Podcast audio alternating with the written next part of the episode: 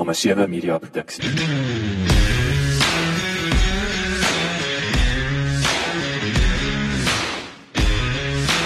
Welkom by die Klipkouer Spotgooi reeks waar ek gereeld gesels met entrepreneurs en impakmakers ten einde die beste praktiese advies met jou te deel. Ek is jou gasheer, Jacques Passon. En onthou om ons nuwe besigheid van landbou potgooi reeks genaamd Boerpot te luister. Laat die wiele rol. Van Priska tot Infinity. Dit in kort is die Pieter Groenewald storie. As kind het Groenewald se pa wat 'n aantal besighede op Priska besit en as die Afrikaanse Jood op die dorp bekend gestaan het, 'n blywende indruk gelaat. Bykans 'n kwart eeu later sou 'n oproep van 'n ene Ken Verigis vir Groenewald se loopbaan 'n radikale opstoot gee. En deesdae is hy landwyd bekend as die hoofuitvoerende beampte van die vooraanstaande influencer marketing division by die Infinity Media Group. Soos Groenewald verduidelik, dra konvensionele advertensiestrategieë nie meer dieselfde gewig nie. Met aanlyn mondelinge bemarking, oftewel word of mouth, verwysings en sosiale bewys wat deesdae reklame dryf, en influencer marketing, oftewel beïnvloedersbemarking, staan aan die voorpunt hiervan. Lekker leer en lekker luister.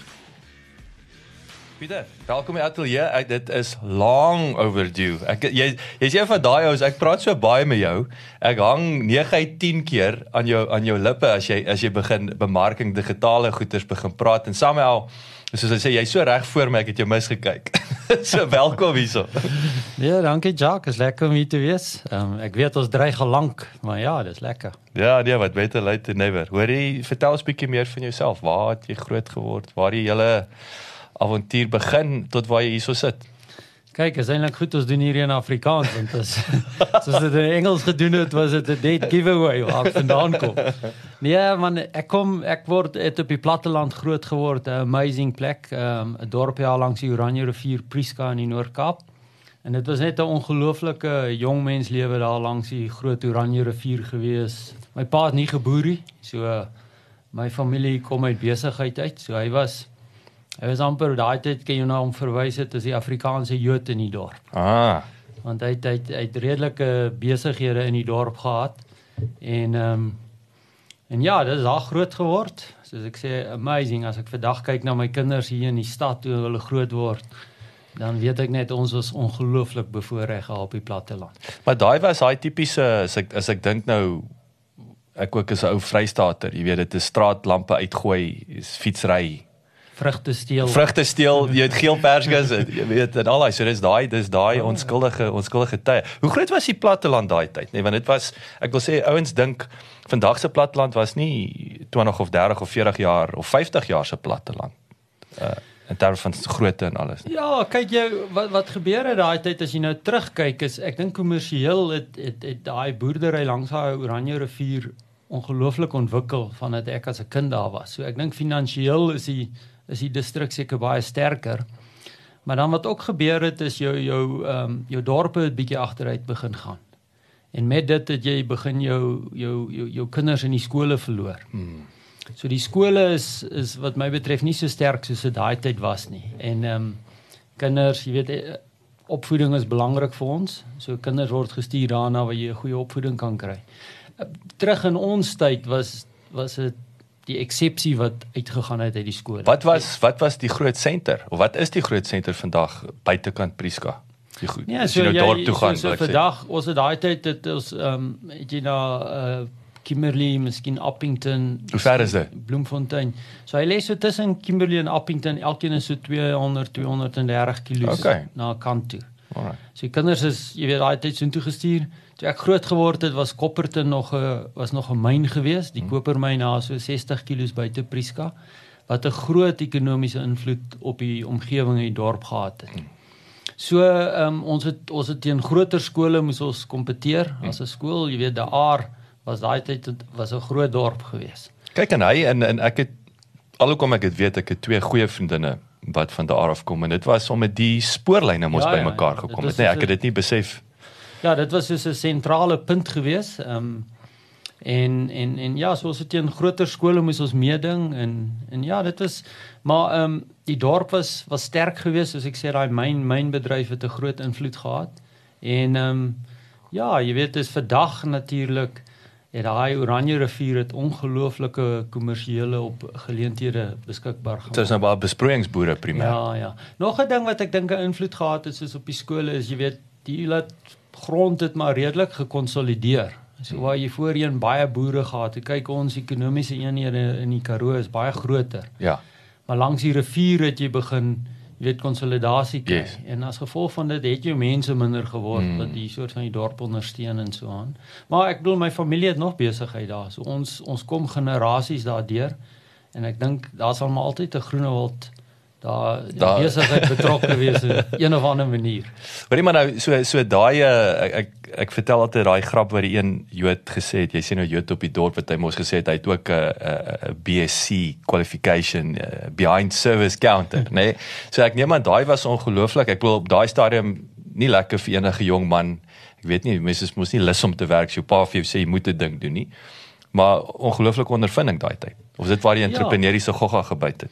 Ja, jy weet my pa, my pa hy was hy was regtig wat jy kan noem 'n shopkeeper. Mm. Nou die hardste ding van daai tipe bedryf is jy sluit oop en jy sluit toe. Hmm. En ehm um, en dit dit maak dat jy basies jy Sondag toe, maar die res van die jaar is jy op kol. Jy weet jy Mm, maak mm. oop en toe. En en dit het 'n ongelooflike ehm um, indruk op my gemaak, daai dissipline van dit. Maar ook is ek kon ook sien die tol wat dit op my pa gevat het. Jy weet, hy het nie hy het basies 2, 3 jaar na sy aftrede is hy oorlede. Ai. Na 'n hele lewe van van ongelooflik hard werk om oop en toe te sluit. Ja, ja. Jy weet so ehm um, so maar ons as kinders vakansies het hy altyd gesê jy het so jy het so 'n paar dae af. Hm. En dan daarvandaan moet jy aantrek, netjies aantrek en jy moet in die winkel wees en jy moet kom help. So Sjoe. So van 'n baie jong onderdom het jy kontant in jou hande gevat en 'n til gesit Mm. of die boek opgeskryf. Daai tyd was dit nog ehm um, manual geweest Ja. ja. hoe ons die debiteure. Maar ja, so ons het baie vroeg geleer en dit het dan ook in my skool was die passie ook meer die besigheid kant van van van van die vakke wat daar was. So wat het toe daarna gebeur? Wat het jy toe Ja, so ek was ek was ehm um, ek het 'n ongelooflike ehm um, rekeningkundeonderwyser gehad meneer Kar en en rekeningkunde was my sterkpunt geweest. Hmm. Mm. En daai tyd het jy nie so eintlik het het die rigting my gekies. Ek het nie die rigting gekies nie want dit was alwaarvan ek gehou het. Dit was die bedryfsekonomie, rekeningkunde kan besigheid. Mm. En en ek is toe daarvandaan Bloemfontein toe.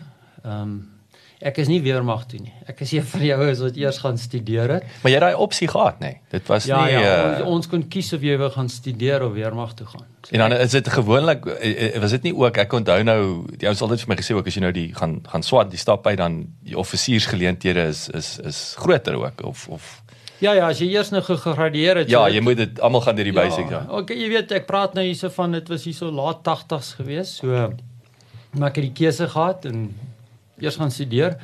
Geweet ek het net een kans daar. Want wat interessant was, ek was die eerste ehm um, basies in ons familie die eerste kind wat die geleentheid gehad het om te gaan studeer. Sjoe. As jy vat my ouers se ouers kom uit die oorlog uit. So my ouers het uh, hulle het basies gewerk gekry en dan hulle on the job training. Soos my pa moes in 'n bank werk, maar hy het vinnig die bankkursusse gedoen. Hmm. My ma was 'n verpleegster.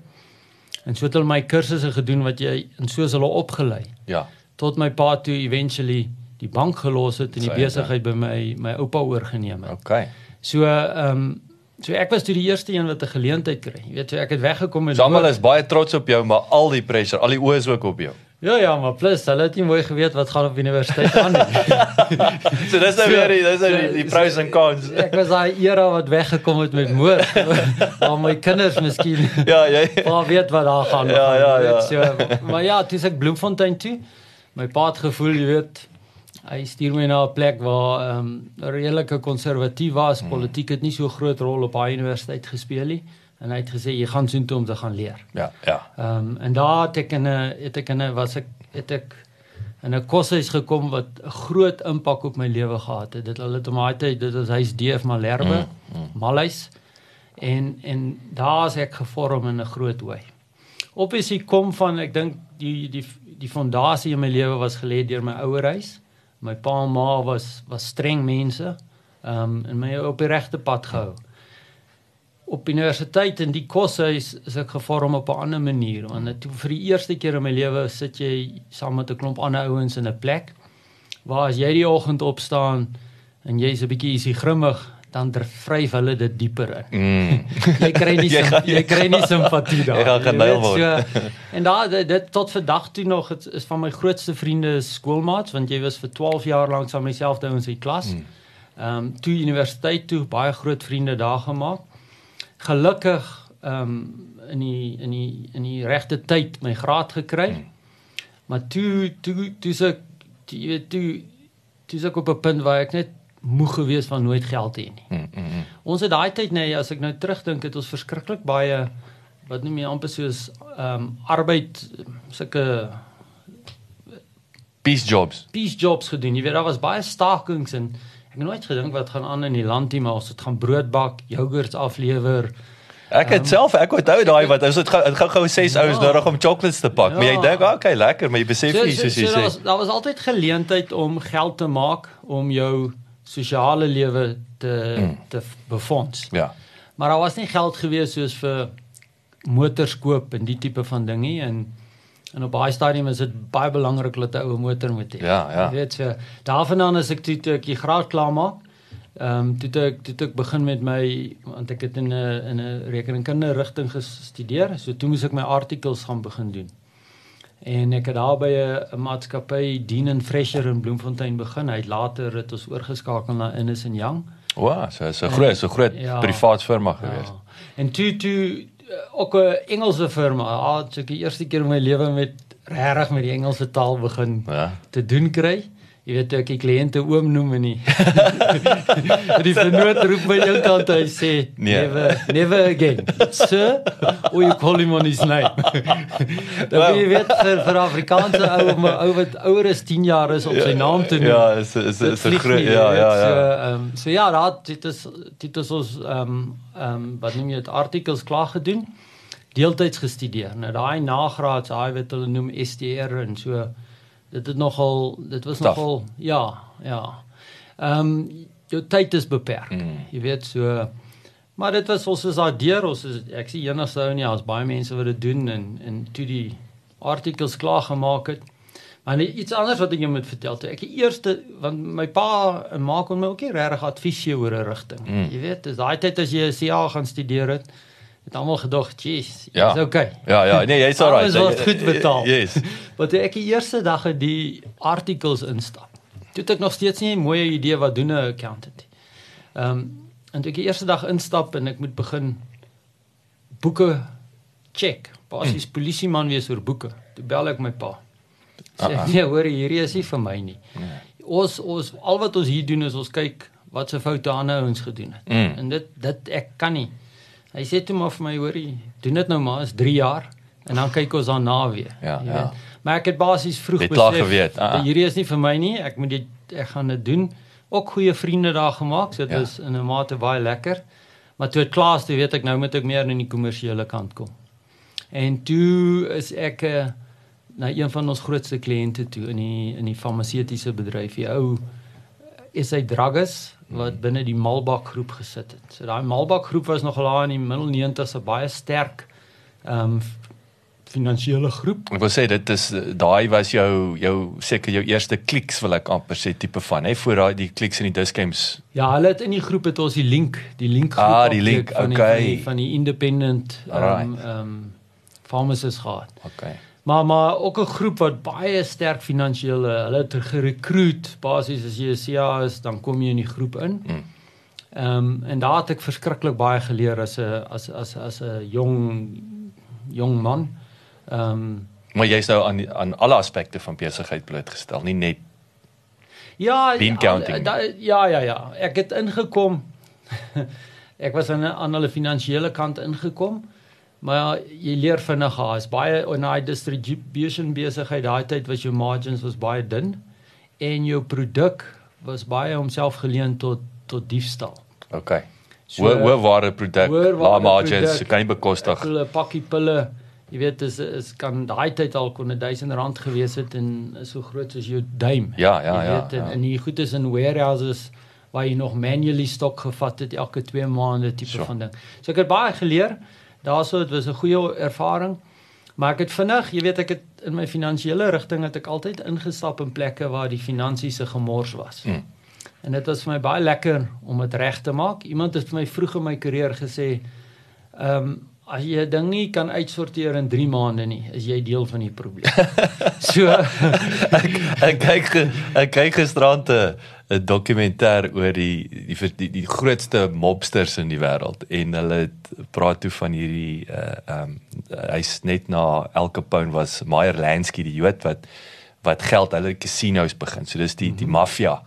Ehm um, het het Okay. het hulle uit uit uit margin verstaan en Bugsy Siegel was die muscle. Weet so Bugsy het almal geopskiet en hulle launch toe die Flamingo Hotel in Las Vegas en die budget was 1.5 miljoen dollar. Nou ons praat nou van wat 50s. En hy kom toe op 6 miljoen dollar in. Ons sê toe die Bugsy Siegel, hy skiem aan die top. Uh, sy beste vriend, hy gee toe die groen lig, hulle hulle skiet hom dood. Die volgende maak, toe maak hulle hulle eerste keer wins. Weet jy, dit was interessant toe hulle so daai was die waarheid. Die numbers, jy weet die die numbers lieg nie, maar toe uit die pad uit is toe toe maak hulle geld. So ja, so dis Ja, ja, ja. Bugsy was die probleem. Ja, so toe toe vind ek uit laat jy weet is ek ek het gehou van die energie en die passie om dinge reg te maak Hmm. in in in in in so aan. Maar dan vinnig begin ek as dit teruggaan na normaliteit toe en dit raak my duin, dan raak ek vervelig. Hmm.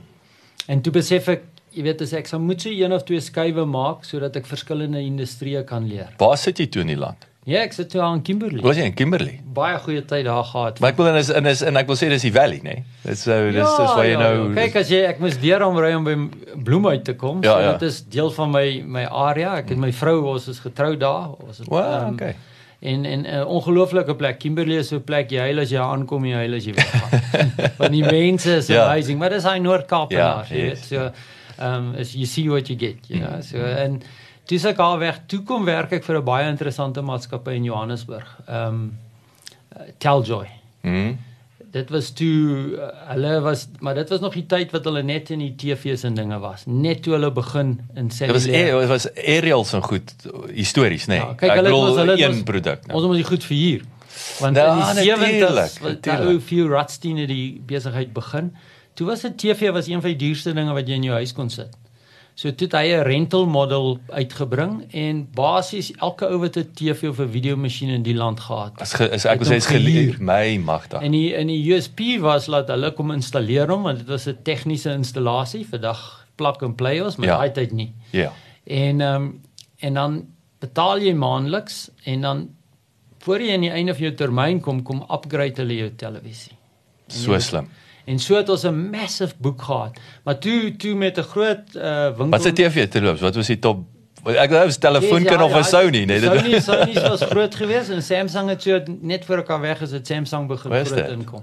Maar dis dis 'n ongelooflike boek en wat ek daar geleer het is jy weet die value van van van debit orders. As daai debit order run slaan, hoeveel geld kom in die rekenings in? En dan wat ons gedoen het is ons ja TV gaan optel en nou vir jou 'n nuwe ene gee, het ons hom op die tweedehandse mark verkoop. Ja.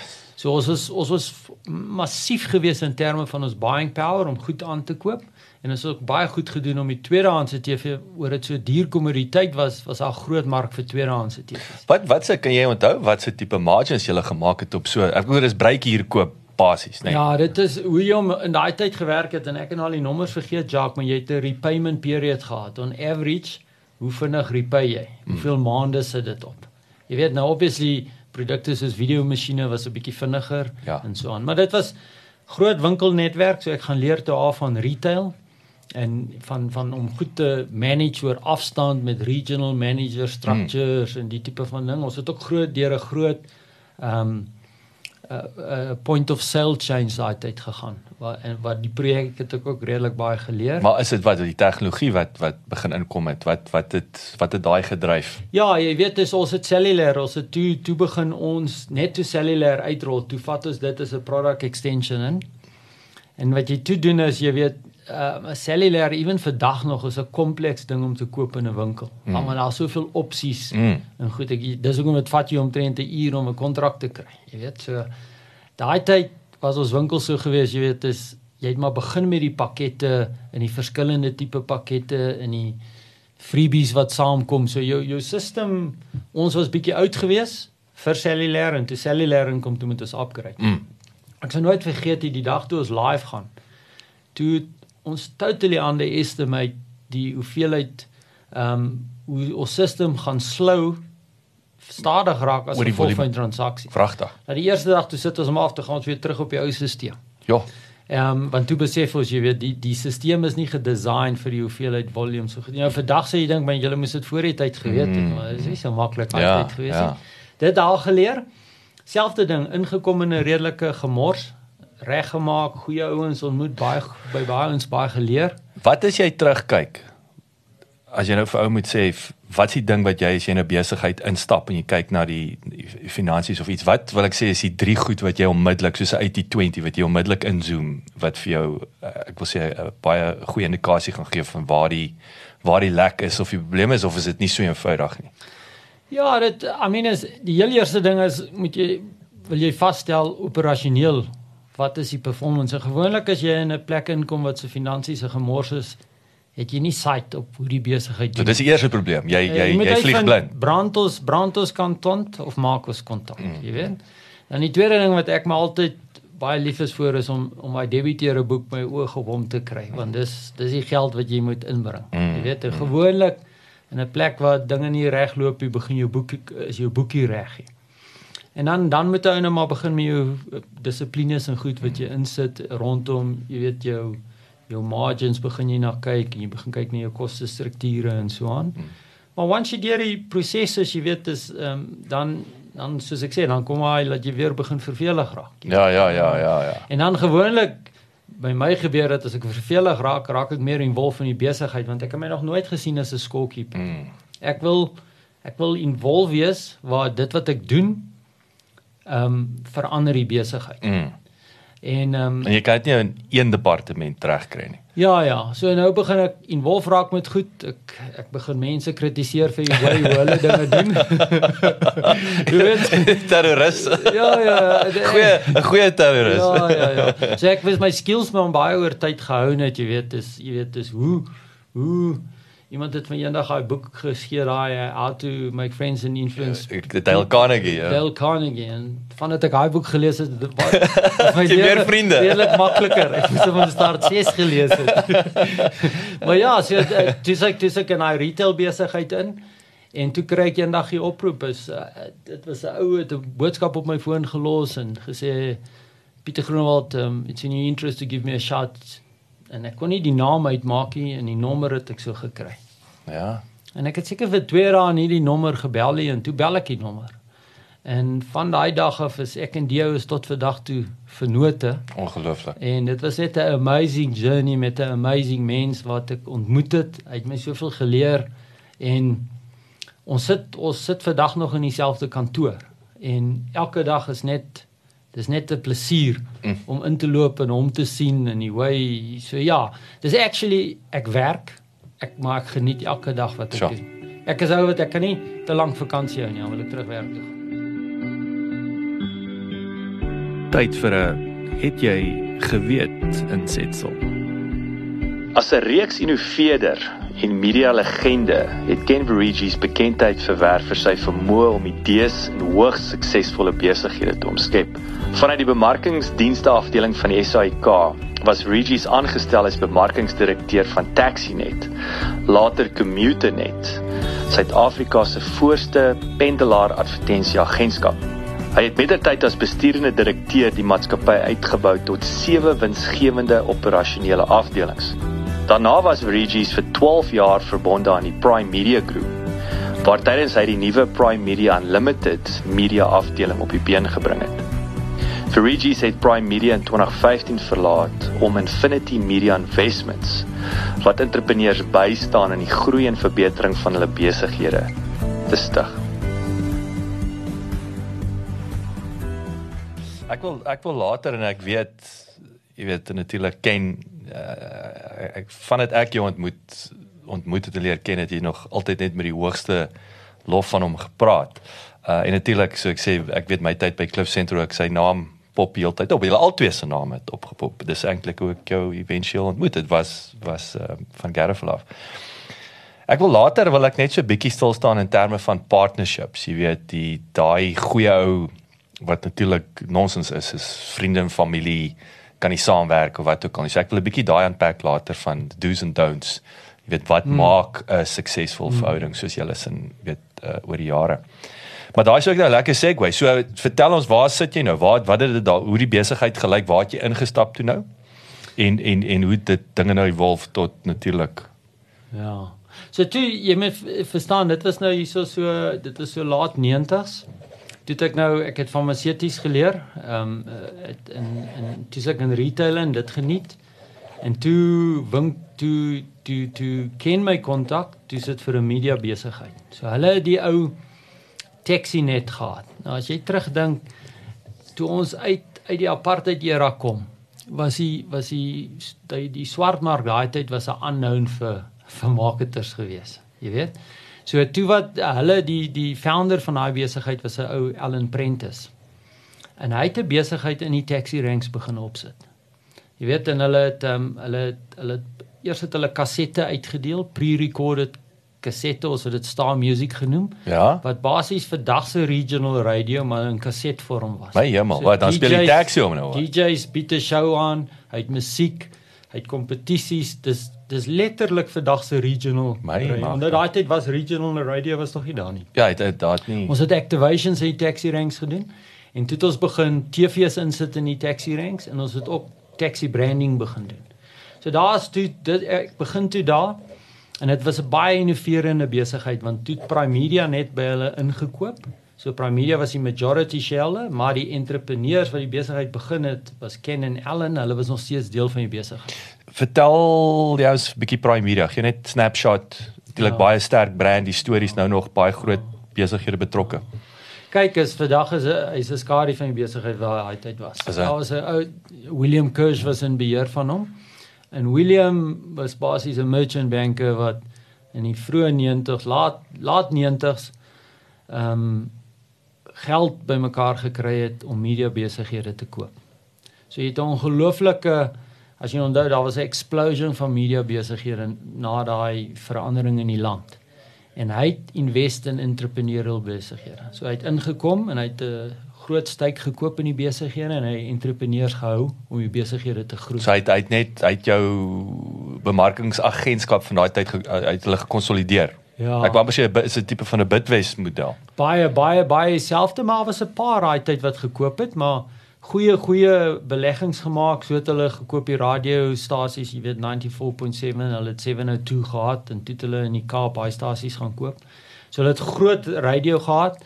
Hulle Achilles heel was so 'n bietjie die cinema besigheid op die stadium gewees want Sterkeninkor was deel van dit en dan was daar klomp entrepreneurial besighede wat nooit die groot brands gehad het nie maar 'n massive impact gehad het op op brands se advertensievermoëns in die land Ja. En dis wat hulle gedoen het. Dis weer 'n corporate besigheid gewees, maar jy oor jy in die oor die entrepreneurial kant gesit het saam met owners run businesses.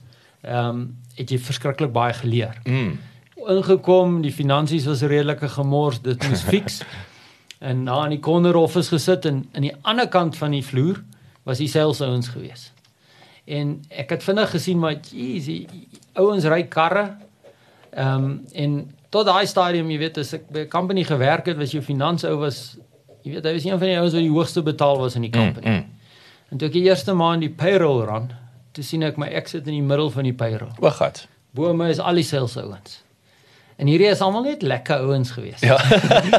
Wees hulle het golf gespeel. Ja, ek weet sê ek sien. Hulle taxi ranks besoek saam ja. met kliënte. Dit dit is vir verskriklik lekker gelyk. Ja, ja, ja, ja. so ehm um, en toe toe toe toe ek die finansies nou regmaak, toe gaan sê ek vir vir Ken daai tyd.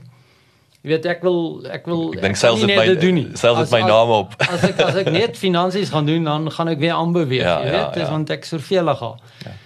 Ek wil aan die ander kant kom, want mm.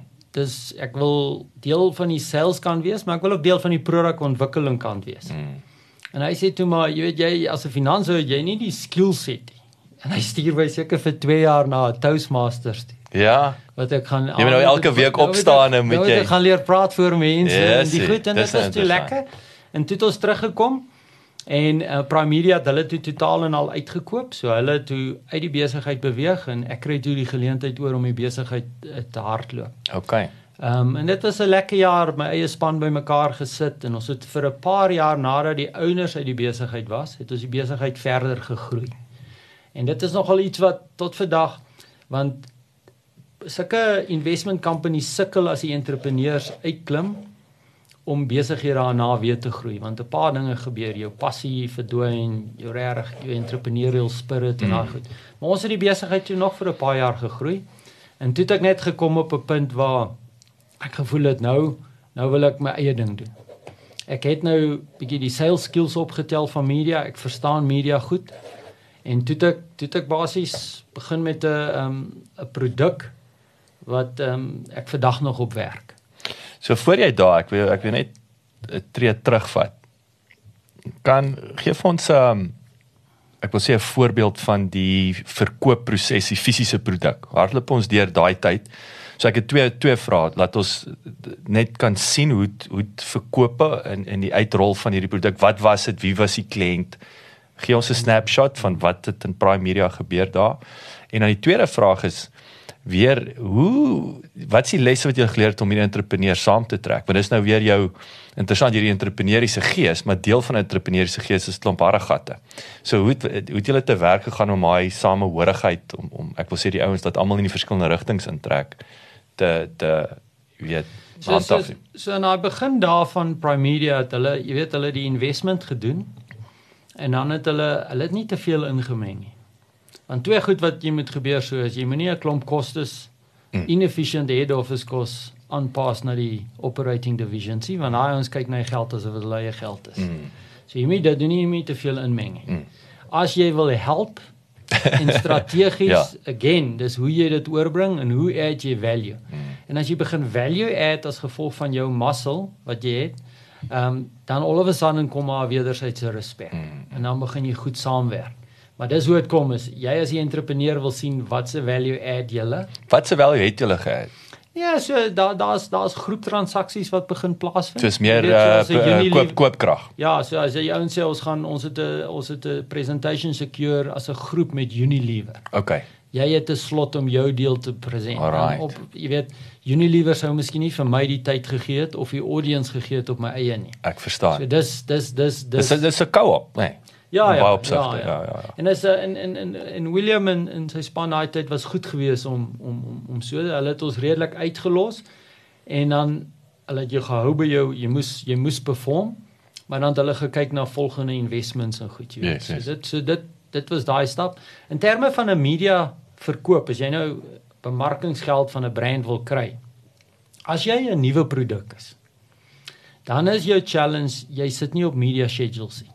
So jy jy weet nou self as jy's nou in die podcast bedryf. Mhm. Dit is podcast as as 'n strategie uitkom, baie min strategieë het podcast as 'n lyn op. Mm. So alle strategieë het 10 teen 1 TV, radio, out of home, Mhm. billboards en daar was 'n tyd wat tydskrifte daar was. Print, Vandag- ja, vandag nie. ja. Jy weet in digitaal is nou vandag aan. Mm. mm. So as jy nie op daai skedule is nie, het jy geen opsie as om by die kliënt direk die transaksie te konkludeer. Want nou kan jou passie appeal na 'n kliënt. Mm. Die kliënt sien hoe hoe passievol jy is en wat jy vir hom kan doen. En alle kliënte het 'n element van 'n um 'n test budget wat hulle aan jou kan eilikheid. As jy na die agentskappe toe gaan, nou wil jy 'n middelman moet jou passie en jou produk gaan verkoop. Dis baie moeilik vir hulle. Dis af Jy is weet, jy is, kan is, hulle- is, en dit word gefilter. Die Ja, en in die eerste 2, 3 moeilike vrae wat gevra word, sê die ou maar ek gaan na jou toe terugkom.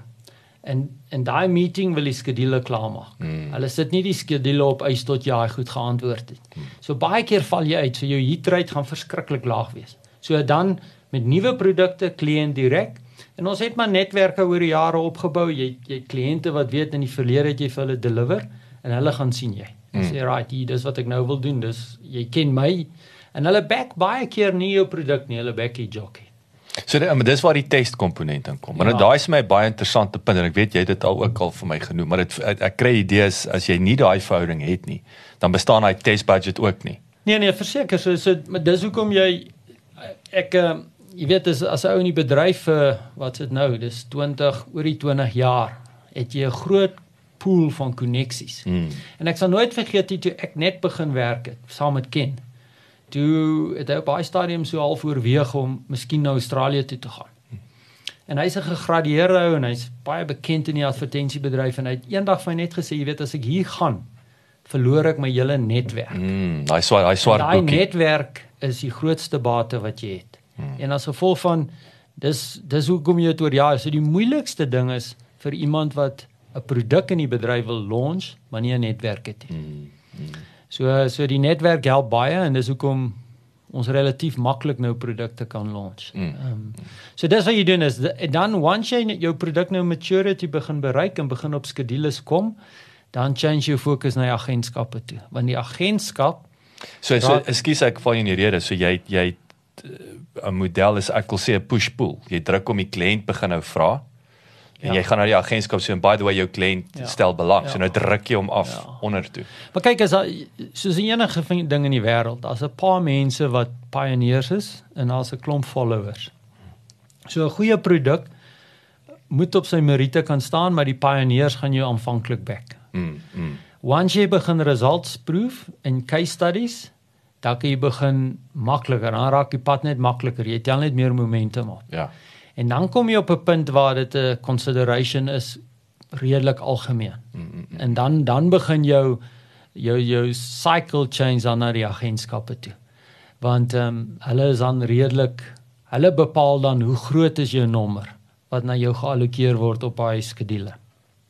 En en en so hoe hoe bestuur so gee ons 'n 'n slegte voorbeeld en 'n goeie voorbeeld. Jy weet waar jy ek sê waar's daai lyn wat jy jy het die verhouding met die kliënt maar nou het jy uh maak jy die die die die die marketing agency sien weer 8 dag omdat jy nou direkte lyn na die kliënt het ek bedoel wat hoe lyk daai dinamiek waar hoe verkeerd kan dit gaan of is ek wil ek wil sê is is is gaan 'n agentskap as jy aan 'n deurklop sê hy moet jou jou kliënt het gesê jy jy moet na die podcast series kyk as 'n as as 'n line uh, item. Ehm um, nee wat jou gat Jacques of ja ons maak of ons dan kyk vir die hmm, volgende 2 hmm. jaar. Wat is, hoe hoe gekompliseerd ja, daai setup? so aanvanklik jy weet moet jy te, jy moet 'n redelike dik vel op jou rug hê want aanvanklik is dit vir jou oorlewing om jou produk te launch. Hmm. so jy gaan kliënt direk en jy sien hulle en as hulle as hulle dit like sal van hulle sal direk nie 'n transaksie jy weet die goed by jou koop. Ja. Of hulle kan vir jou na 'n agentskap verwys as die agentskap jou dan sien is is jy op 'n totale nuwe wicket as wat jy So daar is 'n respek wat wat ja, jy jy het Merite om met die kliënt jou gesê ja gee hom gee hom 'n afspraak. Ja, en nou die die die agentskap se kliënt is die kliënt. Ja. En wat ook jou kliënt is. So as die kliënt se wishes jy moet vir Jacques sien oor sy podcast ja. besigheid, ja. dan en ek ignoreer dit, hoe hoe reflekteer dit op jou kliënteverhouding? Ja. ja. Jy weet so So dan dan kom jy op 'n ander voet in en dan baie keer vandag dit is 'n ehm um, gaan die billings deur die agency en dan sal hulle vir jou die besigheid gee. En dan dan die groot ding is dat jy jy perform. Jy weet as jy perform en deliver op op die objectives wat jy aan die ouens verkoop het, dan kan jy begin meer ontsluit jy meer geld. Jy weet, dis ehm um, hoe hoe ehm um, net so te loops. Weet jy hoeveel bemarkingsagentskappe is in Nederland? Of sal ek sê wie wie wie wie is die 8020 wie sê hy Ja, nee, jy het jy, jy het jou groot groepe, daar's so vyf van hulle waarop ons fokus. As jy hulle het, dis die 8020. Wie is wie is hulle? Van Billings. Ag, so jy het jou jou, jou Mediacom groep, is massief jy jou Publicis groep, jy het jou OMD groep, groepe soos PhD is groot. Hmm. Jy weet en dan het jy dan jy daar's nog so een of twee, jy weet, is hmm. uh jou jou Media Shop groep, is 'n massiewe groep, daai Meta groep. Ja. So dis dis dis die grootes, jy weet. En dan maar maar jy kan nie net op hulle fokus nie want maar daar's baie ander kleiner full yes, service agencies. Ons ons wat wat ja. 10 kliënte het. En en en vandag, jy weet, as jy kyk waar die groei in die advertensiemark is, is nie noodwendig dat jou groot ouens meer geld spandeer nie. Daar's heeltyd nuwe ouens wat besighede launch en brands launch. En dis waar hierdie smaller agencies begin van hulle 'n niche en dis 'n niche redelike nie. groot budgets ehm um, ehm um, hanteer en van hulle deliver ongelooflike services vir hulle kliënte. So ons aanvanklik kyk ons targets ons brands in in in sekere uh, verticals binne brands. En dan daarna begin jy die agency service en en dan wat die agency model werk is ons sit nou al van ons mense binne in agencies. Is dit? Want jy weet hulle wil nie hulle model is ook Hulle wil nie die druk. gespesialiseerde, hulle Ja, wil ja. nie dit uitfigure. So sit vat my liewe saam met jou in. Jy weet jou heat rate gaan op. My dis ek betaal vir die arbeid Hmm. en ek gaan totally op risk Ja, ja. versus jy wat moet kostes deploy en jy 10 teen 1 kan jy dieselfde skill sets met Hmm. experience en IP kry nie. So ons begin nou saam met hulle werk in sekere gevalle en Is dit is dit uniek aan julle produk of dink jy daar kom 'n shift meer waar die expert binne in die jy weet in die in die boardroom kom Ja. sit as geoutsourced ek wil sê geoutsourced expert en daarop so of ek executive. uh, jy weet ek glo daaraan is want want jy jy soek best in class vir jou kliënt. So as jy nie op dieselfde vlak kan wees van 'n interne resource perspektief nie, dan dan moet jy die beste ouens onboard as as basies nie 'n supplier nie. Dis ek dink dis waar die wêreld is al klaar probleem as jy so as jy so dink is dit klaar is klaar probleem. As jy jy weet ons hele besigheid is gestruktureer rondom partnerships. Hmm, Ons betaal ons partners dieselfde dag wat ons payroll run. Pragtig. So ons ons praat nooit van 'n supplier of so nie want jy wil nie daai verhouding ontwikkel binne 'n organisasie nie. Mm. Ehm um, ons dis dis en hulle maak ons sterker. So ek operate op so 'n basis dat my partners maak my sterker. Ja, ja. En so wil ek kyk hoe ons waarmee ons partner as 'n groep laat ons hulle sterker maak. So dis Ja. weer daai gaan soek vir jou partners, nie suppliers nie. Maak daai mental shift. Ja. Dis 'n baie belangrike Ja, ding. jy kan nou dink, jy weet is as jy as jy 'n supplier is, dan gaan jou jou jou finansdepartement gaan altyd probeer laat betaal. Mm. Ehm um, waar as jy 'n partner is en jy verduidelik vir jou finansdepartement hierdie is my vennote, Ja. dan en as die payroll hardloop, betaal ons hulle. Sjoe. Jy weet dan begin jy 'n to totale ander verhouding. Ja, yes, dis dis interessant. Dis baie kragtig. Die praat van betaal. Wat is is daar rule of thumb wat kom ons praat nou agentskap, marketing agency. My produk kos R100 aan die agentskap. Uh wat is wat is die of thumb wat 'n agentskap sit hy sy persentasie op het? Forceer hy jou om jou prys te drop? Hy hy soek hierdie tradisionele retail nie. So wat is hoe is daai balans van uh, marges vir jou aan uh, agentskap en natuurlik van die agentskap na die na die kliënt toe. So dit wissel maar jongens. Ek dink as ek dink met hierdie procurement departemente wat in die groot groot corporates ingekom het, het hulle dinge redelik is is is dinge redelik um, disclose vandag. Hmm. So in die ou tyd was daar so 16.5% kommissie wat die agency gevat het. Jy weet, Okay. dis ek dink daar's baie min wat dit nog plaasvind. Regtig is die exception. Die agency gaan negotiate 'n retainer. Ja. 'n Deel van sy retainer is dis die fooie wat jy op geregtig is as jy die goed doen. Mm. Daar kan performance elemente ingebou word dat as ons beter doen as 'n besigheid, kry jy meer in. Maar dan enige iets beteken enige iets wat jy kontrakteer die netprys word na my toe aangepas. So jy Okay. kan nog margin gemaak op elemente. So Jy hy moet hy hy negotiate met jou 'n beter rate. Hy Hy- moet jou by R90 kry. Hy hy moet by hom. hy moet my kry by 'n goeie value for for money rate en dan kontrakteer hy maar tensy sy sy sy kontrak met sy kliënt is dat hy 'n markup kan sit.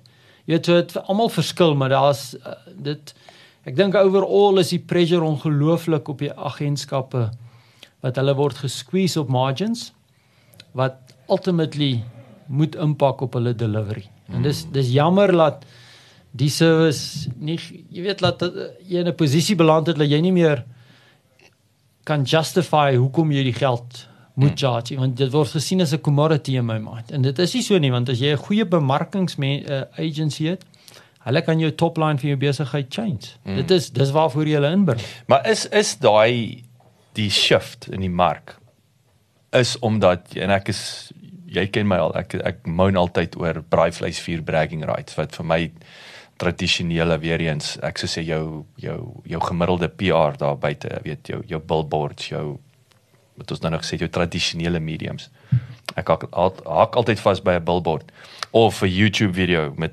miljoen views ons weet nie wie dit was nie Ehm um, is dit daar 'n shift kom na ons daai measurability. Ons wil weet presies, ons wil meetbaar hê, ons soek wil ROI hê. Ons soek nie daai vanity metrics van jy het net vir my miljoen rand se uh publisiteitswaarde geskep nie. Ja, ek nie dit nie geld publisiteitswaarde is nie geld in die bank nie. Ja. Ek dink as toe ek begin het, jy weet, as jy baie ingekom en jy ons het vir jou gesê ons ons het 'n awareness campaign, ons launch 'n nuwe produk, ons het 15 miljoen rand vir dit. Jy weet vandag wat as ek hier shifts kyk, is daar dit gebeur nie meer vandag nie. Jy weet so so 'n nuwe brand sal gelons word en baie keer is jou bemarking tools word in jou produk ingebou.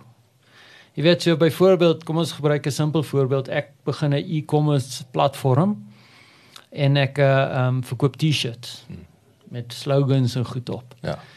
Nou as ek my webwerf saamsit, begin ek dadelik insit my ability om affiliate marketing toe te pas. So as Jacques 'n T-shirt koop en hy koop miskien 3 T-shirts, dan en en hy refer my en ek het 'n referral mechanism ingebou in my platform, kan sy vierde T-shirt verniet wees. Mm. Jy weet so so so baie hulle noem dit daai growth hacker marketing. Tyd vir 'n het jy geweet insetsel. Growth hacker marketing is 'n massiewe gonswoord. Konsultante, bemarkers en entrepreneurs is dit eens dat growth hacker marketing die mees effektiewe manier is om 'n besigheid te groei. Met sommige wat dit as die toekoms van bemarking bestempel. Growth hacking fokus hoofsaaklik op die groei deur middel van 'n data-gedrewe, eksperimentgebaseerde proses. Die proses ontgin nuwe groeigeleenthede sistematies reg deur die kliëntereis, van bewuswording deur bemarking tot handelsmerkambassadeurs tot optimalisering van die produk. Growth hacking is intens betrokke by die produk, aangesien dit fokus op die retensie van aktiewe klante en nuwe groeigeleenthede. Waar jou toolset het klaar bemarkingselemente. OK. Jy moet net Um, jy moet net distribusie Ja, uitkry. so jy nou en onder die ouens wat like-minded is oor die oor die ja, produk. Ja. So dit dit gebeur dan daar en dan ander ding ons sien baie brands uitkom en wat wat wat die lig sien oor hulle op klein budgets kan uitkom. Mm. Jy kan met 50000 rand digitale uh budget kan jy 'n produk test. Mm. Jy mm. kan kyk. Jy weet voorheen het ouens vir jou gesê as jy nie 2 miljoen rand het nie, kan jy eers probeer. Jy Ja, weet, jy het ja. nie 'n distribusienetwerk nie. Nee, ek gaan direk online nou. Mm. 50000 rand. Ehm um, dis al wat ek van die familie en vriende soek. Ja, ja. En ek weet het ek 'n besigheid of nie? Het ek potensiaal of nie? Yes. As jy 50000 rand vir my werk, dan kan ek sê wel, as ek 500000 rand insit, hoe lyk die business model nou? En dan gaan reis jy die kontant Ja.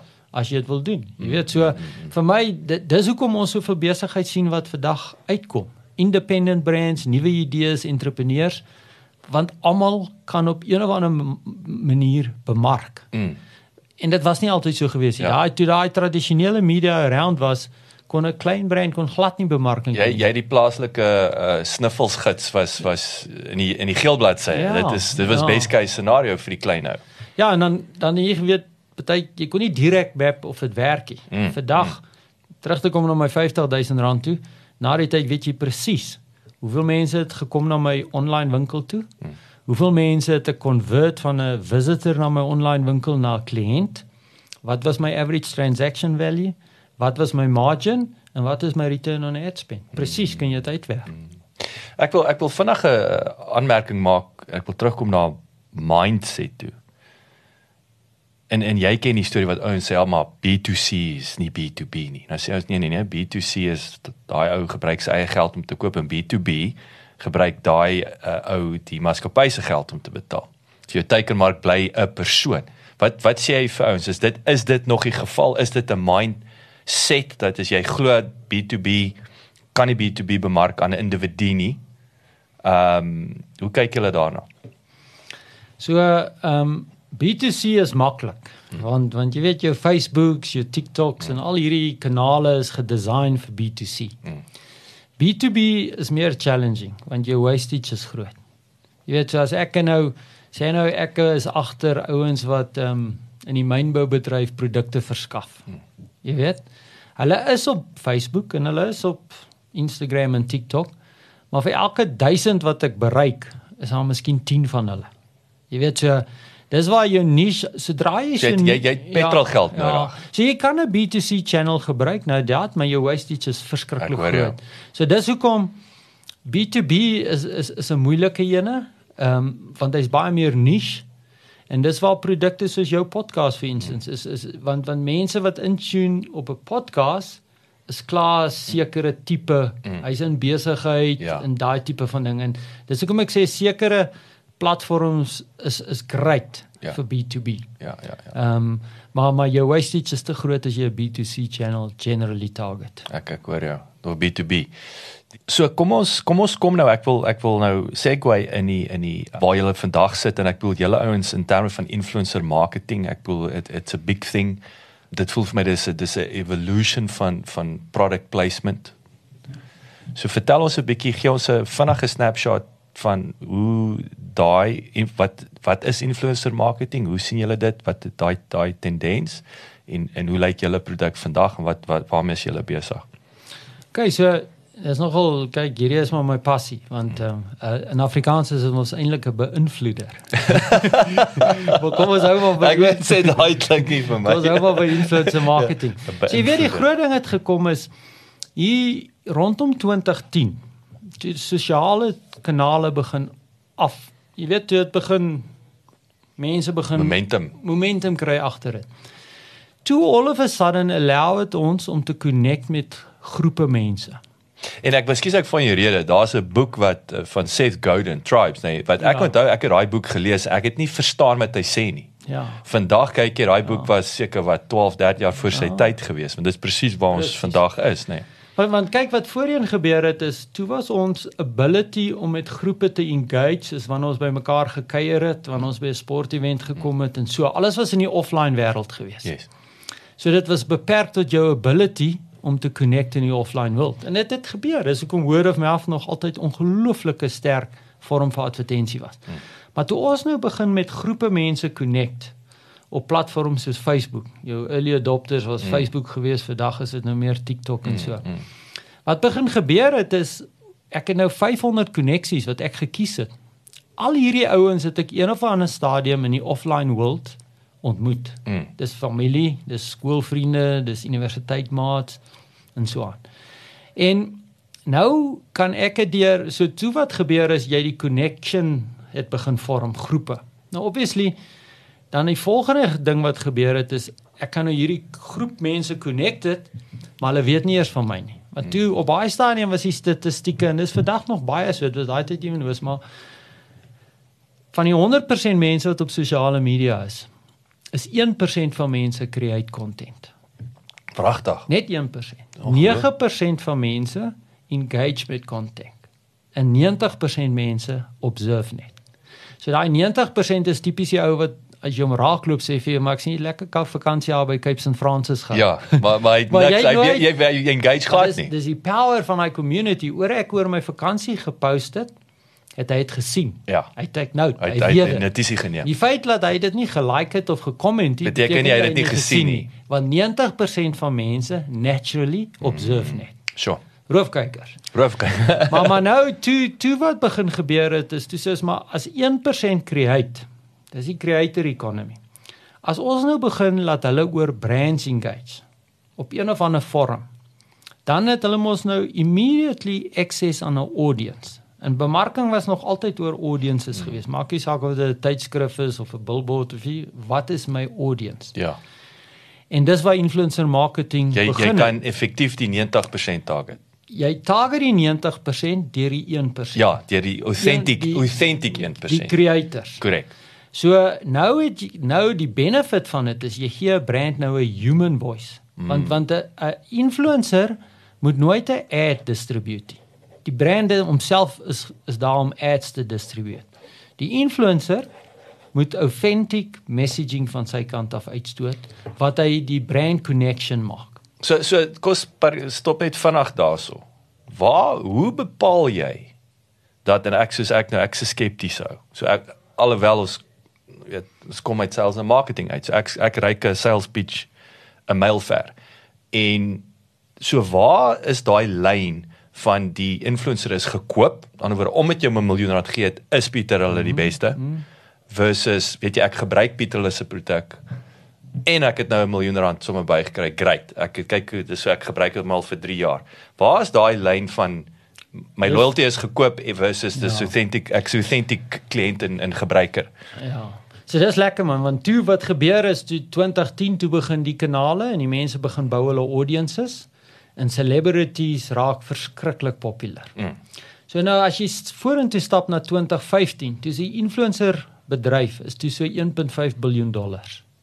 Snaps. Maar maar al wat in dit participate het was celebrity wat ons noem macro influencer.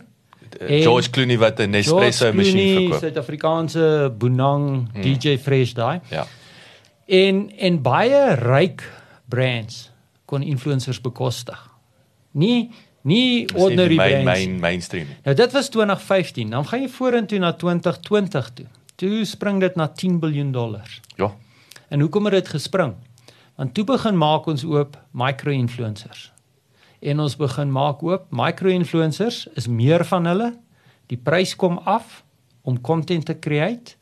Daar's 'n level van meer authenticity daar want nou weet ek ek's nie seker of die vegan vrou wat 10000 followers rondom vegan het of sy daai vegan produk gebruik nie. Daar's 'n goeie kans dat sy dit gebruik. Ja. Jy sien? Ja. En nou praat sy oor hoe die produk die verskil in haar lewe maak. So Ja. haar audience all of a sudden relatability is daar. Yes. En daar's 'n goeie kans dat hulle die produk so discover en hom dan gaan koop. Mm. En ehm um, toe toe toe begin medium size brands inklim. En waar's vandag is nê, ons gaan basies ons in nou 2022 teen 2024 dink ons die mark gaan rondom 20 miljard dollars wees. Goeie jammer. En wat gebeur nou is nou begin ons die nano influencers oopmaak. En 'n nano influencer is 'n everyday person wat nie homself sien as 'n influencer nie. Dis nou ek wil sê dis pure authenticity. Dit Dis is dis net soos ek en jy, maar nou byvoorbeeld as ons nou 'n ding word gebruik. mouth company. Jy's jy's miskien op 'n nano influencer moet jy presies die fan van 'n brand connect aan die brand conversation. So jy like miskien jou Chivas Regal um, whisky twee keer 'n week, maar dis jou preferred whisky. Almal weet dit. In Of jy my betaal of nie, dis dis my wat jy, jy vat jou eie geld nie gaan koop. op. Ja, ja, ja, ja. So ja. jy's nou 'n great ou as ek nou met Chivas Regal 'n kontrak kry om te sê kom ons connect Jacques aan die conversation. Ja, hy hy het 10000 followers en hy hy drink al hy nie eers nie. hy het 500 followers. Maar net hy- sy vriende wat aan hom Ek gekonnekt verstaan, maar hy drink al 10 jaar Chivas. almal weet hy drink Chivas. Ja, ja, ja. So laat hy praat oor Chivas. En dan wat gebeur as jy gee vir die brand 'n human voice? Jacques begin content create. Obviously word dit binne 'n proses gemanage, maar hy content wat hy create. Die brand sit terug en sê ek het nou access tot redelike goedkoop content want Jacques gaan my nie miljoene of uh, triljoene charge nie. Tweedens, hy hy hy solve my need om access na content te hê want vandag se wêreld is baie content hungry, so ek gaan nie content fatigue hê nie. En hy allow my as 'n brand om my om my brug oor te steek na 'n human voice. Want sien op sosiale media is ons almal as humans connect. En ons is deel van 'n community. Maar die brand is amper, jy weet hy forceer amper sy stem Ja. in 'n human Hy, conversation. ja, hy druk hom nou hier in. So dit maak sin om hom aan 'n human te connect en te sê dat die human namens my praat. En so, dit is dit is dit is in sy true nature. So ons weet George Clooney, ons weet nie of hy koffie drink nie. Ons weet nie of dit ja, sy die kans is heel moontlik glad nie. Maar dit maak nie saak nie. Partykeer is 'n rol vir so ou om 'n groot produk te launch. Ja, dis is awareness, gebruik hom is as net 'n effektiewe awareness. 'n- hy word Dan onthou. bring jy deur na 'n micro-influencer toe waar jy begin weet hierdie ou is 'n koffie spesialis en hy het nou hierdie koffie 'n rating gegee. En dan bring jy hom terug na die huisvrou wat daai koffie koop. Hmm. En sê jy weet sy het nou al verskillende pots probeer, maar hierdie is die enigste pot wat vir haar werk. Ja, ja. en sy is ja. nou klaar met die ander. Daai is is jou nano level van van influencer marketing. Hoorie maar Jessie, hierdie is fascinerend. So ek wil net terugkom nou hoe lyk daai 1% dan nou? Is nou van content creators. Daai ding gaan nou seker drasties of is is dit nog steeds om met jy nou jou nano, jy het net kleiner ouens gekombineer. Gaan dit altyd so klein bly? Ja, so hierso is die ding, is so April laas jaar. Toe begin die platforms soos Facebook en TikTok en hulle begin toe vir ons die tools gee sodat ek Jacques se post vat rondom Shivas, ons gebruik nou die whisky voorbeeld. Ja. En wat Jackson net sy vriende sou bereik het. Onthou hoe Facebook werk is. Hy sien jou as user generated content as mm. jy oor Shivas praat. So mm. as jy 500 vriende geconnected aan jou, is jou organic reach nogal redelik diep want jy's deel van daai 1%. Ja, ja. So uh, miskien 300 van jou 500 vriende sien dit. Maar April laas jaar toe sê Facebook vir ouens soos ons, julle kan nou Jacques se post vat en julle kan hom distribute aan males between the ages of 40 and 50 in die Pretoria area. Mm, mm. En ek doen dit. Dit is ons noem praat van 'n cost per 1000 CPM vir seker R30 kan ek jou. So, Sure. ek kan nie eers flyers op die hoek van hierdie van hierdie brug uitdeel vir dieselfde prys. wat Facebook het distribute.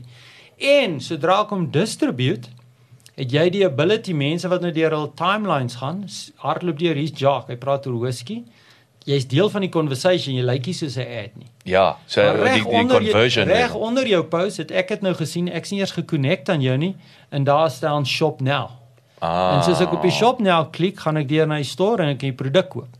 Ek as die ou wat dit georchestrate het in conjunction met jou, kan hy kliënt teruggaan en sê ek het soveel ouens deurgestuur na die site en dit was die conversion na sales. Dankie. Ons soek ons soek ons kat. Content creation. So ek ek wil sê hoe orchestrate jy? Hoe voor nie forceer nie. Hoe hoe lei jy nou daai nano influencer of of die proses van content creation Ja. vooruit? Want So- dit dan nou praat Susan Klomp strong. Jy weet, nee, ehm nee, nee. So so wat jy doen is wat ons rol as 'n organisasie is.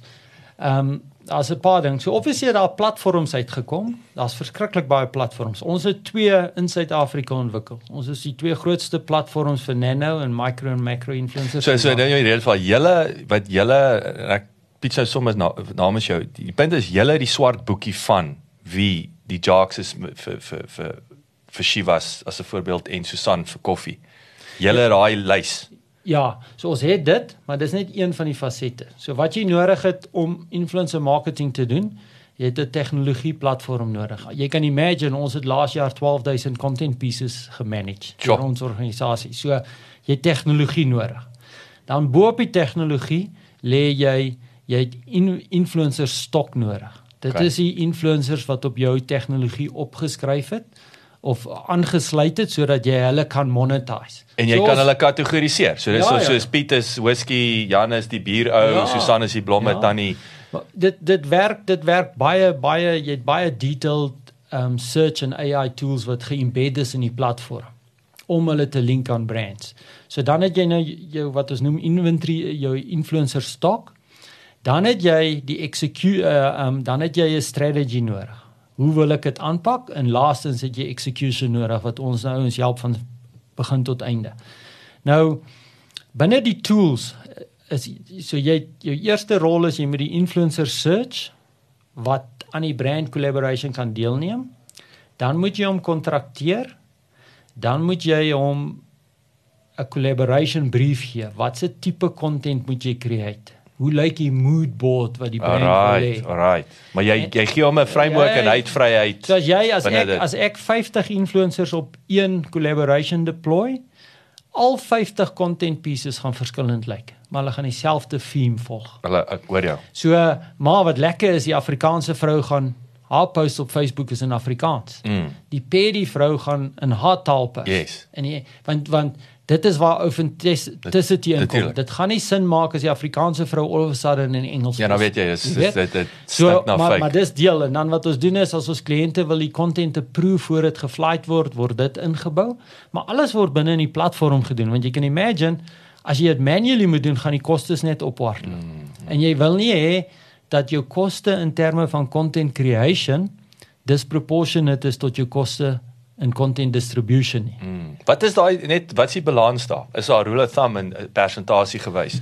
So op ons Ratio gewys. Ja, ek so as jy nou vat, kom ons net net om dit te verduidelik vir die luisteraars. Jy weet is as iemand as iemand 'n miljoen followers het, 'n celebrity Hmm. en hy post op sy platform. Uit die miljoen gaan hy nie 150 000 reach nie. Hulle reach is baie fin want as jy ehm um, as jy dit baie diep die platform skele nie die diepte nie. As jy 500 followers het, gaan 300 dit sien. So dit so 'n Ja, want helse is baie verskil. dieper want dis die ouens wat die platform wil hê moet support en create. Ek verstaan. So so so so dis nou dis tussen daai twee wat, wat ou nou as jy daai miljoen ou koop en sê nou hy charge jou R50000 vir 'n post. Mm. Nou het jy R50000 betaal maar die 150000 mense wat jy bereik, kan jy gekoop het teen kom ons werk op 20 vir R7000. Okay, ek verstaan. So actually het ek en jou drie- kans vir om hulle Ja, te bereik sewe- effektief is baie groter ja, ook. Maar R7000 deliver Facebook dit vir my en hy hy prove dit. Ja. Nou het ek R43000 vir die content piece betaal. So nou is my split is is 90 omtrent 90 10. Ja. Content creation, distribution. Yes. Nou die ander ding is as jy byvoorbeeld nano influencers gaan koop. Koop betaal ek vir 10 pieces of content, miskien R20000. En nou het ek nog R30000 Ja. om die distribution te doen. Nou my R30000 kan my vat na 1.5 miljoen mense. Okay. Argumente onthou. Yes, yes. Jy weet nou daai campaign sal altyd beter perform Tuurlik. want jy het meer distribusie. Mm. So vir my is as ek baie aggressief moet wees op results, sal ek content afbring na 40% van die investment, maar ek hou van 50-50 want dan kan ek baie content pieces vir die platforms gee om te toets met die audiences. Want onthou die platform speel ook met sy eie rol. Hy weet wat se content piece perform beter en hy sal dit disproportionate views gee. En hoe meer uh, content pieces jy het, is jou kans om net daai tendens om te om die sweet spot te slat Ja. is is is groter. Ja, en dan die belangrike ding is dat jy weet dat jy elke maand nuwe content pieces ingooi. Mm. En sodoende ek vermy jy totally hierdie ad fatigue waarmee jy insukkel. So so kom ons praat oor ad fatigue of of in ieder geval content fatigue, nê. Nee, wat wat is rule of thumb? Wat's te veel, wat's te min in terme van content uitdruk? So hoe dit werk is net nou nou het jy 'n creative gedesign as 'n brand. En ek vat gewoonlik hier rondom die World Cup as jy as ek Twitter oopmaak is daar 'n bier ad. jy weet later weet ek eers meer wat se bier dit is. Is dit daar Jy weet? ja. Want jou probleem is nou hy 'n ad en nou koop hy spasie. En nou as hy hom gekoop het met die platform met serve. Ja. Jy weet Ja. so ehm En dit irriteer jou na ruk. Ja, jy skakel en, af. en hy create nie 100 pieces of content nie. nee, is een. En dis hoekom die die goeie ding is om te doen is te sê as die brand gaan ek oor kom ons sê as Heineken praat. Maar ek gaan 'n groot deel van my budget gee vir 'n human voice. So as ek my timeline oopmaak, hier's Jacques wat oor die bier praat. Ja, Hier's hierdie ou ja. wat oor die bier praat. Die Elvera, dis die Heineken bottel wat Dit beteken die brand bou frequency op jou oor sy brand message, maar nie met dieselfde ad die hele tyd. Mm. Onthou die digitale wêreld, elke keer as jy deur 'n timeline scroll, ehm um, is daar ads. ja, En jy wil nie jy wil nie oor jy 'n uh, audiences wat geselek het oor en oor dieselfde ads gesien, want dan het hy geen impak op jou nie. En dit en daai sluit aan by kos sê uh uh um nie ek wil sê tradisioneel nie jou normale Facebook kampanje nê. Mhm. Mm 'n normale LinkedIn kampanje. Jy jy hardbou die kampanje te- teiken die die die die 40 tot 45 jarige Pretoria, maar soos jy sê nou hardloop jy vir 2 weke, maar elke dag sien ek Ja. dieselfde blerrie uit want ek het nie of ek het hom nie afgesit nie of ek want ek is ook dalk nie die regte teikenmark nie, nê. Nee, dis die ander ding. Ja. So jy mors geld as 'n brand aan die een kant kan jy potensieel aan die ander as jy sê aan die ander kant is dit jy irriteer nou jou teikenmark met die dieselfde ad. Ja, dis hoekom jy jy gee nie om as jy 'n frequensie van 5 kry nie. Maar nie met dieselfde ad nie. So as as 'n Heineken met my praat met ad 1 ad 2 praat Jacques met my, ad 3 praat Johnny met my, Yes. dan voel dit nie vir my die brand praat 5 keer met my nie. Ek Ek kry nog steeds die objective van 'n frequensie van 5. Ja, ja. Maar dis nie dieselfde advertensie nie en hy Sure. het nie die look and feel van 'n brand nie. Yes. Dis amper jy kry die FOMO en jy kry die testimonial site in mm. met die tipe content wat jy van 'n influencer se kant af kry. Dit is dis dis dis baie interessant, baie kragtig. So okay, so nou hoe lyk die platform vandag? So ek, bedoel julle het hierdie ongelooflike tegnologie. So net om terug te kom na die partnership ding. Uh ek neem aan omdat julle julle hierdie Formule 1 kar gebou en jou kliënt kan hom in elk geval nie bestuur tot sy volle potensiaal nie. So dis nou daar waar julle nou gaan sit. Ek wil sê in die in die kantore om die Formule 1 kar wat die kliënt vir betaal namens hom dit te bestuur of Ja. is dit is dit Ja, ja, so- opsomming van dit. So ons die platforms wat ons create het, obviously is ons besig om uit te rol internasionaal. So ons is nou al in 'n paar lande. Ehm um, Selfe selfe konsep. Ek nee, was aan die proses die tegnologie werk in enige land. Ja, so dit- daai nie gaan nou- nooit verander Nou moet jy net jy moet nou eider moet jy kry dat die kliënte opsign aan die tegnologie om dit self te doen. Dit is wat ons noem self-serve. Ehm um, die mark is nog nie regtig reg daarvoor nie. Want ewen as ek jou die Formule 1 kar gee, as jy hom nog nooit voorheen gery het, jy geen weet hoe om te ry nie. Ja, ja. Plus jy gaan 'n slow lap time in sit en aan die Ja. einde van die ronde terugkom en sê die kar kan nie ry nie. Ja, hy's hy's stadig. Dis nie die kar nie. Ja, dis ja, jy. ja, ja. So so wat ons doen is ons doen managed service waar ons dit namens die kliënt doen. Ehm um, en en en jy kan sien daar is ouens wat influencer marketing in-house vat. Ehm um, Maar weer eens, dit dit is vir my dan jy jy verloor authenticity want want is hoe een ou moet nou by wat 100 tannies uitkom. Ja, eh, hulle het baie keer het hulle tools, maar ek dink net is as jy best in class wil hê, is is is dan moet jy gaan compete met ander mense. Mm. Jy weet nou as jy jou eie scorebook merk. Jy weet interne organisasie is baie maklik om te sê jy doen 'n amazing job. Mm. Want wie wie merk jou eintlik? Jy mm. merk jouself. Ja, ja. Waar as jy dit vir 'n uh, managed partner soos ons gee, dan daar's verskillende ouens wat die service deliver. So all of a sudden kan jy score teen mekaar. Mm. Want ek as 'n brand wil altyd seker maak ek het best in class. Ja, ja. Jou probleem is en daar is 'n bietjie van en jy sal sien is as brands dit in as vat is dit gewoonlik op 'n celebrity en 'n macro influencer level. Want die, So is alweer, nou is ons marketer like om te engage Ja, met die ja, ja, persoon. bra, ek sê was altyd braaivleis vier bragging rights. Ja, Nee, ja, kyk hier ja. foto mamma. Ja, ja, ja. Maar nou vir vir ons gaan dit oor die results wat jy Hmm. wat jy kry. So dit gee nie om as Jacques van jou Shivers praat nie. As hy as ek Ek weet nie wie Jacques is, hy gee nie om nie, solank ouens Solank hy die produk vir my verkoop en dit word in 'n professionele manier gedoen, is ek happy.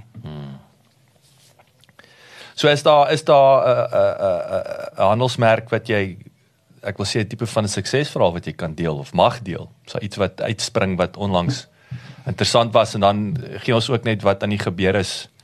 Ek weet in 'n uh, uh, um, die verskillende markte waar waar waar's ek wil sê waar sien julle die tweede grootste potensiaal na Suid-Afrika nou en dan natuurlik weet ek weet Afrika is in die Ja. ja. pipeline. So so vinnig ons platforms ons ons micro en macro influencer uh platform is Webfluential. Dis 'n Suid-Afrikaans ontwikkel, maar ons operate in omtrent so 16 lande is daai tegnologie influencers wat geëxecute word. Ehm um, dan ons nano influencer channel is The Salt. Ehm um, daar is- by the way Webfluential het 78000 micro en macro influencers wat, wat op die platform Dis gekontrakteer. net Suid-Afrika. Nee nee. Dis Dis op die worldwide. ses- is die Dis 16 worldwide. lande. Maar onthou hierdie is hierdie is uh, influencers wat daai blue tick sit. So dis groot ouens. Ek wou net sê dit is jou jou 78 celebrities af. 78000 kan ek omtrent in enige land in die wêreld 'n campaign execute. The Salt is jou nano influencer platform en nou met ons net in Suid-Afrika 170000 subscribers. Nou daar is ons basies is 'n Airbnb. Ja. Ons allow 'n gewone ou om sy social asset te monetize rondom 'n brand wat hy klaar lief is vir. Mm. So En daar is nie is nie guaranteed nie, maar hy's hy's nou hy's op die menu. Ja ja, as jy op ons database is, kan jy geselekteer word. As Ja. jy nie daar is, kan jy nie. Ons het En baie en, en diep, dis en dis wat die krag van julle tegnologie is Ja. om my te kan pinpoint. presies tot op daai Shivas level. Ja, ja. Ehm um, daai platform is nou uitgerol in in in ons is in in Argentinië en Brasil. En dan is ons nou redelik aggressief in Afrika besig om uit te rol. As hy. Want ons doen klaar baie werk in Afrika deur Webfluential. Maar maar die Salt is 'n is 'n goeie is 'n goeie komplementêre produk, maar ons het hom moet jy per land uitrol. So ehm um, so ons is besig met dit. Jy vra van Wat wat is jy ekskuus ek van die rede. So so daai is is die uitdaging is presies dit met die nanos is jy moet nou daai uh, jocks en tannie sannies gaan soek om op te teken. Ja, maar dis dis ons het 'n baie sterk referral program in. So vir elke persoon wat op my platform opteken, Ja, bring hy vir my nog 12 mense. pragtig. Ja. So is weer daai like so minded again, ons bemarking, ons bemarking is in ons tegnologie ingebou dat ons relatief min bemarking hoef te doen. Wat kry ek as ek 12 ouens Ja, dan opteken? soos wat ons doen is ons ons platform vat jou dan na 'n volgende level. Okay, so jou jou Ja. kans om gevind te word Ja, in die, jy, in jy die beweeg op. Maar lekker as 'n wallet system geembed. Ehm um, ons is ons is besig om ons eie produkte uit te rol na die na die community toe. Want hoe ek daai wêreld sien is jy gaan van 'n brand het customers, dan customers raaks fans op sosiale media. En die volgende stap is om my fans te convert na 'n community. En dis wat dit sal doen. En dan vat jy jou community en die laaste stapie sal wees om die community te convert na jou Salesforce. Mm. En dis waar affiliate marketing dan inkom. Maar dit is moeilik om te spring stryd van customer na affiliate. Okay. Jy moet eers daai sense of community create en vir dit het 'n brand 'n platform nodig. Okay. Okay. Maar jy praat van 'n van 'n case study, een van eh, twee wat ek wil noem. Een is ek doen heidaglik doen ons met daai Solte campaign waar vrouens wat in hulle second trimester of pregnancy is praat oor 'n um, 'n vitamienaanvulling Mm. Vir vrouens wat swanger is. Nou daai platform allow my om in te zoom op profile laat ek tot weet wie's in hul tweede trimester van swangerskap. Goeie hemel. So dis dit dink net hoe uniek is dit as jy Ja. nou daai vrou um, en dan het ons dit nog verder gedoen dit moet haar eerste kind wees want jy weet die excitement rondom Ja, is nog kind. groter. Nou dit is wat daai platform jou allow. Ander een een van my wat hy lê naby my hart is 'n mediese fonds in Suid-Afrika. Ehm um, dit is nie nie die grootste een nie. Hulle het ons seker so jaar terug, nee, 2 jaar terug al begin. Wat ons hulle kliënte, iemand wat jy weet, jy weet hoe duur is 'n mediese fonds, jy kan enigiets van 4 na 10000 rand betaal. Mm. Ons kry hulle kliënte om namens hulle te praat oor goed op die mediese fonds wat hulle vir hulle die groot faktor was hoekom hulle opgeteken het. Mm. En elke maand create ons content en ons sit dit in die ad set en ons distribute dit en ons trek leads. En daai campaign, jy weet ons het hulle lead koste afgebring van toe ons begin het. Ons sit nou effektief seker op 'n vyfde van wat hulle lead kos was toe hulle begin het teenoor wat dit vandag is. Ongelooflik. Nou dit is al die efficient maar jy kan imagine is word of mouth on scale. Ja, ja. As jy die post sien en jy sien die comments, want ek en jy praat auto gereeld oor wat se mediese fondse is. Nee, nie. nee. Maar as ek 'n Facebook post uitsit en sê jy weet ons familie gaan een keer 'n jaar na die tandarts want ons wil nie langtermyn skade hê nie en ons mediese fonds betaal dit adequately. Ja, ja. Daar sien jy hoekom die comments daaronder van hoe lank is jy by hulle, het jy kontak details, waar kan ons en so. So daar het sulke goed wat wat ou regtig jy kan sien die verskil wat jy maak en Hoe lyk ek kan nie nou in my kop sien nie. Hoe hoe lyk nou hoe sal daai post lyk? Is dit Jacques wat nou skielik oor sy mediese fonds praat? Hoe Ja, ja, hoe, maar- hoe maar nou- maar daar's 'n obviously nou 'n call as 'n Ja, klik ja. klik through na die so die organiese post is waar Jacques die post create Ja. op sy timeline, maar jy moet dit so authentic as moontlik doen. Jy Ja, dis nie nou skielik stap as jy- ek daar uit en lyk of ek Nee. uh, so jy het miskien 'n foto van jou kind wat op die tandarts se stoel sit en jy lê dit in en jy sê jy weet dis jy hoor baie mense kla. maar hierdie ouens hulle kyk mooi dat na ons. tandartse diere is, hulle kan dit bekostig. Wel, ek is by so en so en ons het nie 'n probleem jaarliks nie. Ja. Dit was een van die benefits wat vir my belangrik was. Ja. Dis redelik authentic. Jy is by die particular fonds. Dan vat ons daai piece of content. So hy gaan nou na jou audience toe uit, Yes. pure organic. Maar dan met die tools van Facebook vat ek daai content en ek convert hom in 'n ad, maar hy lyk nog steeds soos Jacques se post. So maar nou het hy op die content op sy op sy call to action aan die bottom kom 'n button in. Alright. En daai button sê learn more. Alright, so jy jy jy bring daai click through komponent Ja, in. ja, ja. Want hoe die Maar hy kan nie maar hy kan nie hy kan nie wees op myne nie, want dan Ja, kan verkoop ek nie maar verkoop ek iets. Hy kan nie op jou wees nie. Ja. Maar dan hoe hy werk is want ons het beweeg van 'n 'n 'n wêreld van search na 'n wêreld van discovery. Waar as jy deur jou timeline gaan vandag, discover jy produkte wat jy nie eers van plan was om na te kyk toe jy begin het nie. En en dit is ek wil dit dit is ek ek dink nou so Spotify ek ek sê gisterand vir my laaitie ons sê vir mekaar ons het al twee vier nuwe bands in hierdie jaar ontdek oor oor daai hy voer vir my sê luister Ja. omdat kyk hier luister hier nê nee? Exactly. so daai krag so ek wil net terugkom vinnig weer so julle julle rip my videoetjie waar ek nou my kind by die tandarts sit en dan waar sit julle daai content waar so waar gaan sit dit op op op die mediese fonds se webwerf Nee nee nee. Dit is die laaste so dis dis nie dis ons primary objective is ek vat jou post onthou die tools is nou ge- ingebou in die platform. Ja. So een gaan connect ek jou aan die mediese fonds op die platform. Want dan kan ek hom optel en change in 'n ad. Yes jy kan hy's dan onmiddellik daar target ek nou sekere profile met Dan hom. bou jy Ek 'n mos campaign, dan bou jy 'n- dan bou jy 'n ek- campaign. Dan bou ek 'n gewone digitale campaign. Ek betaal Facebook vir die distribution of TikTok of vir Maar is my Instagram. maar dit lyk of dit Dit lyk so Jacques se post. As ons wat nou in die game is kan sien, jy weet, is bo sal daar staan Jacques in association of spon Ja. sponsored. Dis 'n sponsored post. yes. Dit beteken as jy dit sien op 'n post gaan hy uit na mense wat nie noodwendig aan Jacques gekoen het. Korrek. So so laat, laat ek ek verstaan nou. So nommer 1 ek na my 500 pelle toe, authentic.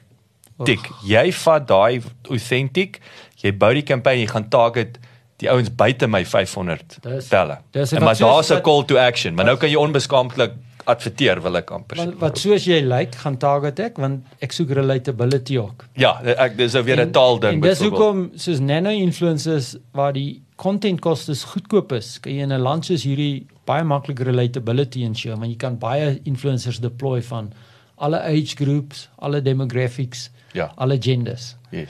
En sodoende engage jy jou target audience baie beter. Mm. Just dis kragtig. Afrika Waar sien julle die waar gebeur die waar's die digitale ligte of hoop Ja. in Afrika? Nee, kyk as die die die lande, die groot lande waar ons kyk ons ons ons fokus maar op die Engelssprekende lande aanvanklik. Ehm um, gelukkig as die ouens op sosiale media is, jy weet dan daar's 'n redelike level van uh, Engelse adoption. So ons is nou maar kyk jy, ons doen klaar werk in ons neighboring countries. So dis relatief maklik. Dis maklik. Ja. Maar ons begin nou, ons is nou in talks om Ghana, Kenia, Tanzanië, Nigerië, daai lande in te gaan. Dis relatief maklik want jou platform is digitaal. So jy het net 'n groep mense nodig wat die managed service on jou behalf kan doen. Mm. En aanvanklik gaan ons nou uit Suid-Afrika uit even baie van die managed services hier vandaan doen. Mm. Dit's makliker om 'n core groep of mense hierso te train. Ja, jy het hierdie control So center. jy so jy soek actually net 'n client facing team in daai lande. So is relatief maklik om uit te rol. Dis nie 'n groot groot kapitale investering Ja. of En en jy sien wat die bemarkingsagentskappe is jou jou jy sluit een agentskap hy maak 50 kliënte se potensiële deure oop. Ja ja ja, so jy soek iemand wat wat 'n soort van 'n swart boekie het Mm, in daai territory. Um influencer marketing in Afrika is is um kyk hulle is so bietjie agter ons. Maar ons doen baie werk in Afrika klaar. So uh, hulle hulle vang vinnig op en as jy vir hulle die regte tools gee en jy wys vir hulle hoe met al die IP wat ons het wat om te doen en dan 'n adapt jy dit vir die local country. Mm. Dan dan dan dan is daar geen rede hoekom jy sukses gaan hê nie. Yes, dit is dis so opwindend. So laaste ding, so jou daar sal altyd 'n plek wees vir jou vir jou ehm um, macro wat ek my terminologie nou reg, macro en wat is die ander ene? Jou wat jy gesê jou Micro. micro en macro. Solank as ons celebrities het, sal sal dit die Ja. plek wees, maar jy sê die is die nano influencer wat die toekoms is. Ja, ek ek dink eh, soos ons doen baie deel campaigns. Jy weet so ek kan 'n product launch met 'n macro influencer want hy gee vir my hy gee vir my 'n bietjie clout, die feit dat ek hom dat die Wat jy geassosieer credibility by association. Ja. Maar dan volg ek dit op met 'n nano wat weer 'n testimonial like is. Mm. Jy weet so die celebrity mm. sê hier's hierdie ding. Hy werk great. Ek en jy weet nie regtig of hy great werk nie, maar ons het gehoor van die produk. Mm. 'n Maand later begin jy sien ordinary mense sê hierdie is 'n amazing produk. 'n- Dit okay. het my lewe gechange. Yes. En dan tap so, jy so nog dis dieselfde strategie, maar hy lead met macro en hy eind op met daai um authenticity at 'n at 'n user level Ja, wat ja. oor die produk praat. Sjoe, sjoe. Pieter, heerlik met jou te gesels. Ek moet sê ek ek ek, ek ken jou al 'n rukkie. Ons het al baie gepraat, maar ek het vandag nuwe goed geleer. So verskriklik dankie. Dis baie opwindend, nê? Nee? En dis weer eens ek wil sê wel gedaan. Jy weet trots Suid-Afrikaans, nê? Nee? Ek weet in jou geval trots Suid-Afrikaanse Noord-Kaaper, jy weet Ja, en jy ja. produseer hierdie wêreldklas uh uh uh tegnologie en oplossings.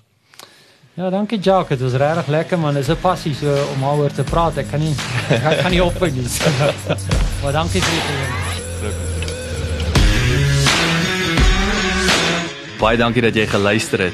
Vir 'n opsomming en notas van die episode, gaan asseblief na ons webwerf www.klipkouers.com en teken sommer in terwyl jy daar is, dan kan ons jou gereeld op hoogte hou.